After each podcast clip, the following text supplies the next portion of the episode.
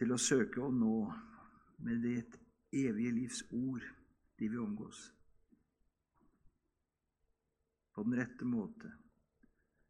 Ikke tradisjon og fordi det er noe vi syns er greit, for sånn har det vært, men at vi virkelig spør etter hva som tjener Guds ords frie løp iblant oss.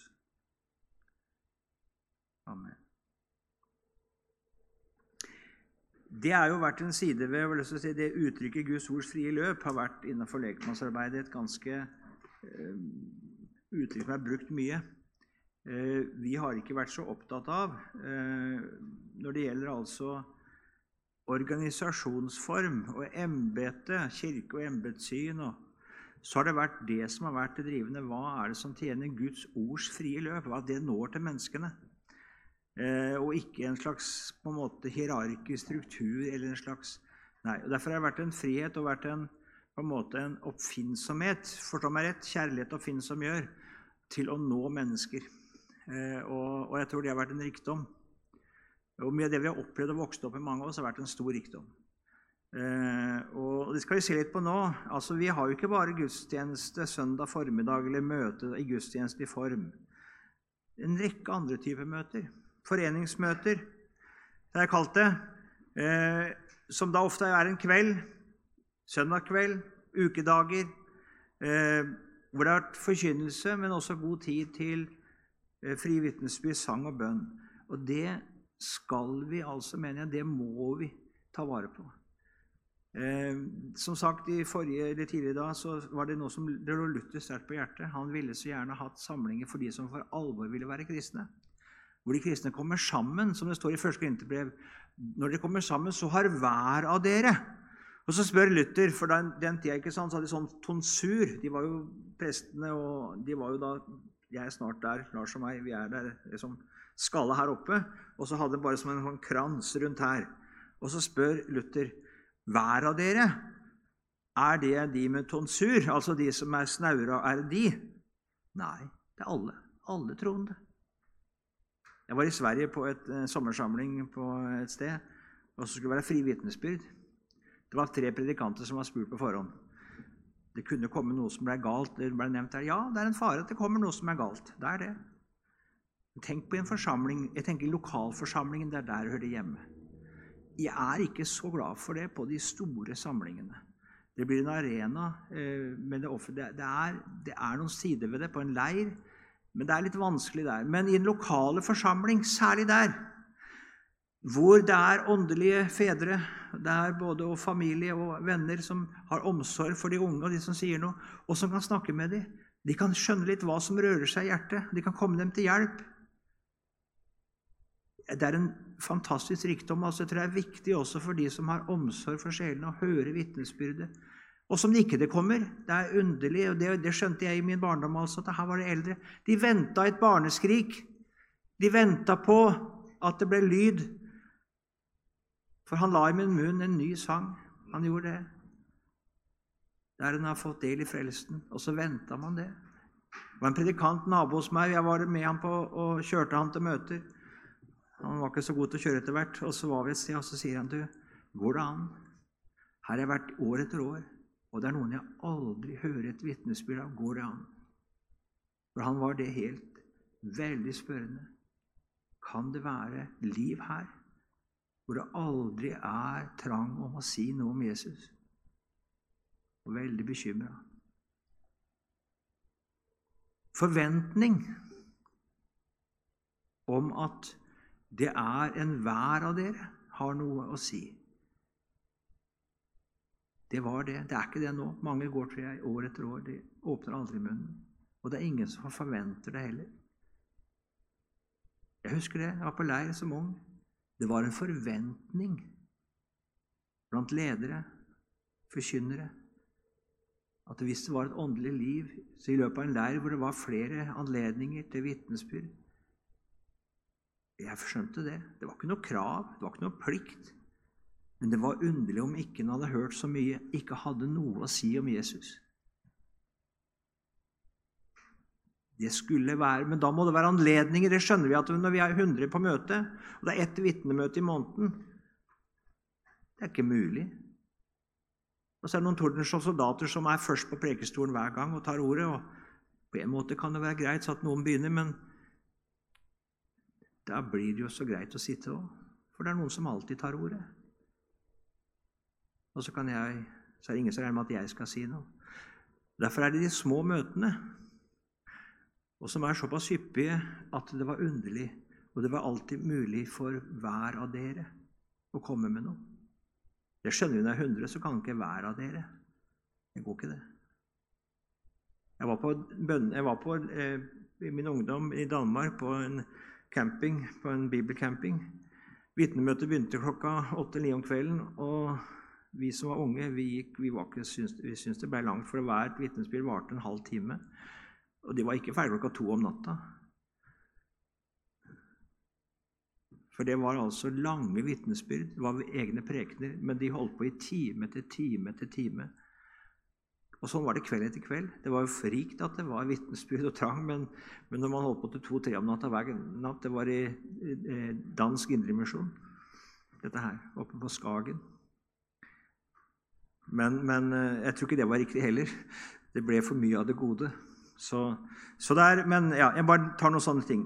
Så ta vare på foreningsmøtene, de små husmøtene. Og jeg tror vi skal ha det oftere. Mer av det. Ikke bare de store møtene og samlingene. Det har blitt for mye av det. Ikke for mye av at vi har søndag formiddag, men for lite av det andre. Møteuker og bibelhelger også. At det er sammenhengende møter. Mange av de gamle predikantene sa de trengte ikke bare ei uke, men to uker for at folk skulle bli stille. Ei uke så var de på en måte ikke mer fått, de på en måte fått kontakt med dem, og så var uka over.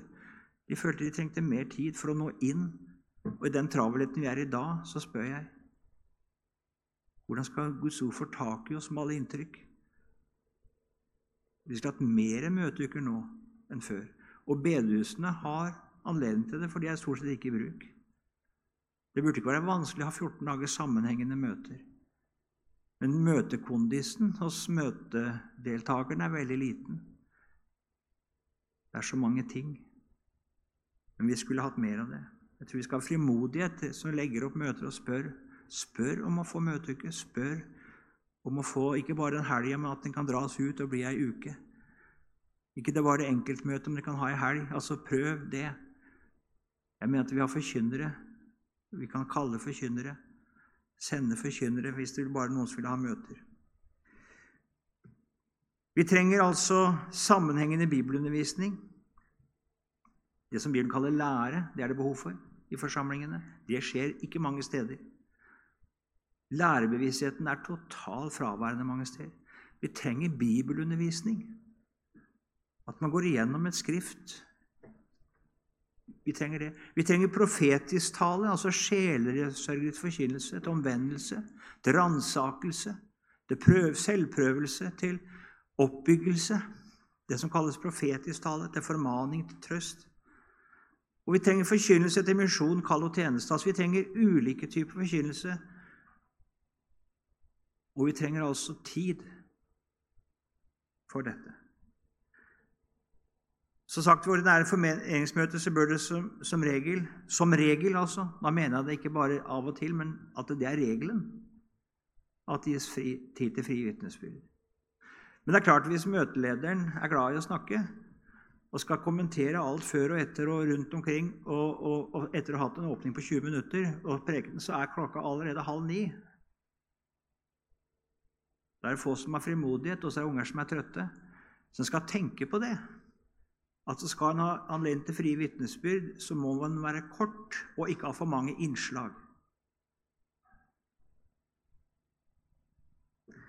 Jeg husker Lars sin far. Vi var på møte i Sandefjord. Og så var det jo da ene etter andre så sier Olav det at nå tror jeg de skal preke ut det de har preka inn. Det blei så mange at det var ikke mulig lenger å absorbere noe. Og Det kan bli så mye, så det er ikke det å ha mest mulig program, altså, men ha rom for det som er viktig. Ja, Det er godt også om gode sangkrefter blir brukt. Ikke gå på akkord. Ikke for å få, ja, vi må få de til å synge, for da blir vi litt flere på møtet. Jeg tror ikke det er så mye det som tenkes hos oss, men det tenkes i mange sammenhenger. Hvis vi får de til å synge, så kommer det litt flere. Og så er det nå motivasjonen. Men det, vi skal ved sang, de som spørres om å synge, også sette an en standard for hva som er god kristen sangmusikk. Kan lære det oppvoksende slekt ved det. At her skal det synges til Jesu ære, til oppbyggelse. At sangen er ikke underholdning, ikke trekkplaster, men det er en del av helheten, det er en del av forkynnelsen. Det er en del av det som skal vitne om Jesus for oss som er der. Husk å tenke på barna. Eh, jeg er ikke så Jeg er litt spørrende til mye av praksisen i dag. eller så si det, Unge hjem også. Det er, det er så mange på, det er på nettet også, og det er så viktig med struktur, også faste leggetider. også. Og Da passer det ikke med møte klokka sju, for da skal ungene i seng.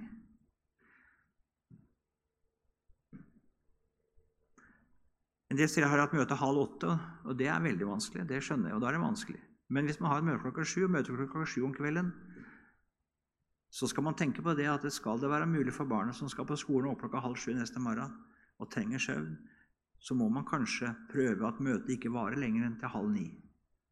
Kanskje bare kvart over åtte. Kan titte vitnesbyrd, men kanskje ikke sitte da og tvære og så at ti stykker skal si noe. Men kanskje la det være noen vitnesbyrd. La det være hver kveld, men la det være to eller høyden tre. Da er som Bibelen sier, altså profetisk tale, to eller høyden tre. Og så setter vi stans der. At man tenker litt på det. For Jeg har vært på vitnemøter hvor jeg tenker at nå burde møtelederen for lenge siden ha sagt stopp. Men det er liksom at alle må få komme til orde. Og så sitter man og venter og venter, og så er det en som tar ordet, og så er det Jo da, for vi syns det er flott hvis det er fem og seks og sju. Jeg tror nok kanskje heller at man sier at nei, vi skal ha møter, det bør være slutt da. Og så sier møtelederen at nå setter vi stans. Noen ganger så kan vi ha både seks og sju og åtte vitnesbyrd, men ikke hver gang. Vi skal tenke på barna også. I helgene kan det brukes mer tid. Ja, Det var foreningsmøter. Bønn- og vitnemøter det burde være regelmessig, hvor ikke det er preken, men hvor det er god anledning. Og Det er sånne møter hvor hver av dere og den som leder det, bør ikke da ha en minipreken på en halv time, men kan ha en innledning som et vitnesbyrd på 10-15 minutter. Som det første vitnesbyrd, og det ha vitnesbyrdets karakter. Det er et vitnemøte. Nå deler vi Guds ord med hverandre. Og vi bør ikke ha en preken på en halvtime som innledning. Men vi har et vitnesbyrd, og så slipper vi, gir vi ordet fritt. Og Møtelederen har et vitnesbyrd på mange måter på linje med de andre. Det er god tid til bønn, god tid til å kunne synge Guds ord sammen. Det kan gjerne være hjemmene. Der det er små bedehus og små forsamlinger, kan det gjerne være bedehus. For bedehus er et veldig fint hus, altså. Men de store bedehusene er kanskje ikke like egnet men bruk gjerne hjemme. Bibelgruppe. Selv om vi snakker om, jeg snakker om bibelundervisning, så skjer det i svært liten grad. Vi kan ha en drøm om det, og vi kan ha et ønske om det, men det skjer ikke. Og vi trenger det som kristne. Det er ikke alle som er flinke til å ta fram en oppbyggelsesbok og lese den, eller lese skrift fra ende til annen systematisk og grunne over den. Det kan vi gjøre på en bibelgruppe. Nå kan jeg si at nå skal vi gå gjennom Efesbrevet i bibelgruppa. Nå begynner vi der. Og så leser vi et halvt kapittel, og så samtaler vi over det. Og, så har vi, og Det må være en struktur over det. Det som jeg opplever, Noen kommer til bibelgruppe helt uforberedt, og så vil de helst snakke om alt mulig som de er opptatt av. Og veldig fort, etter to minutter, så er samtalen der. Og så er det noen som da leder, er også opplevd, og de har forberedt seg, og de holder foredrag. De går igjennom, og de andre slipper jo ikke til, for de har så mye de skal ha sagt om dette avsnittet, at det, det blir ingen samtale. Men det blir en bibelgjennomgang som kan være nyttig nok. Og så skal vi komme igjennom alt, så vi må jo Og så vil vi gjerne stanse for det bibelverset, ha en samtale om det. Nei, nei, vi må videre, for vi skal Nei. Her skal det være tid og ro. Jeg har hebraisk undervisning annenhver uke. Vi kommer gjennom tre-fire vers hver gang. Vi dveler ved det som står der. Og, og da er det språklige ting og sånne ting. Men, men altså det å ha den tid og roen til å virkelig dvele og samtale om bibelordet Det er en rikdom, en uendelig rikdom. Den trenger vi også. Så jeg vil oppfordre til bibelgruppe. Men det må ha en struktur, det må ha en plan. Ellers så kan det fort flyte ut og bli sosialt. En sosial sammenkomst hvor vi kommer sammen og har det trivelig. Eh, ja, Jeg skal ikke ta eksempler, men det er noen som jeg har vært borti der, hvor det blir bare sosial prat. Man snakker om familie, om barn, om ja, alt mulig som man er opptatt av. Så blir det en, en syforening.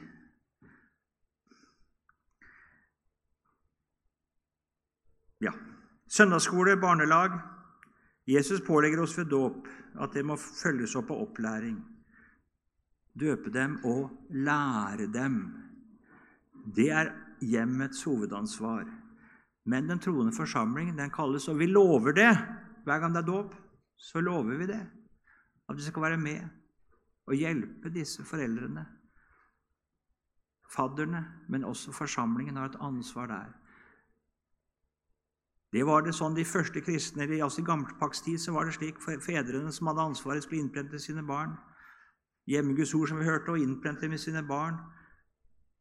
Nei, de kjente seg ikke i stand til det. Så spør de noen skriftlærde om de kan ha Og ved siden av synagogen så ble det bygd et lite skolehus. Og Der samla de skriftlærde barna fra de var små. Og de satt og leste i Bibelen, lærte den. Sånn er vi. Søndags, søndagsskole, barnelag. Det er blitt lite av det. Det er lite av det i vår sammenheng. Veldig lite. Vi har kommet inn litt seint, og så er det andre som på en måte har det fra tradisjon. Men det er mange steder vi kunne starta det. Det er mange steder vi kunne det. Vi skulle gjort det mer. Ungdomsarbeid. Det er viktig at barna og de unge finner sin plass i de ordinære møtene. Så si litt om det. Det er, skal ikke være sånn Jeg hopper over det, jeg kan ta det her.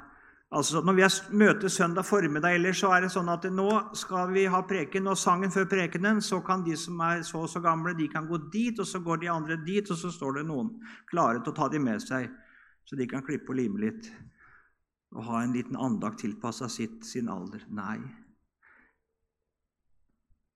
Søndagsskole, barnearbeid skal vi ha, men la det være et supplement, ikke et alternativ. Barna trenger å være med der den troende kommer sammen om Guds ord. Hjemme på Bedresund, når vi var små, så var det søndagsskole klokka ti. Når vi var ferdige, så gikk vi trappa opp og satte oss i salen, for da var det møte klokka elleve for hele familien.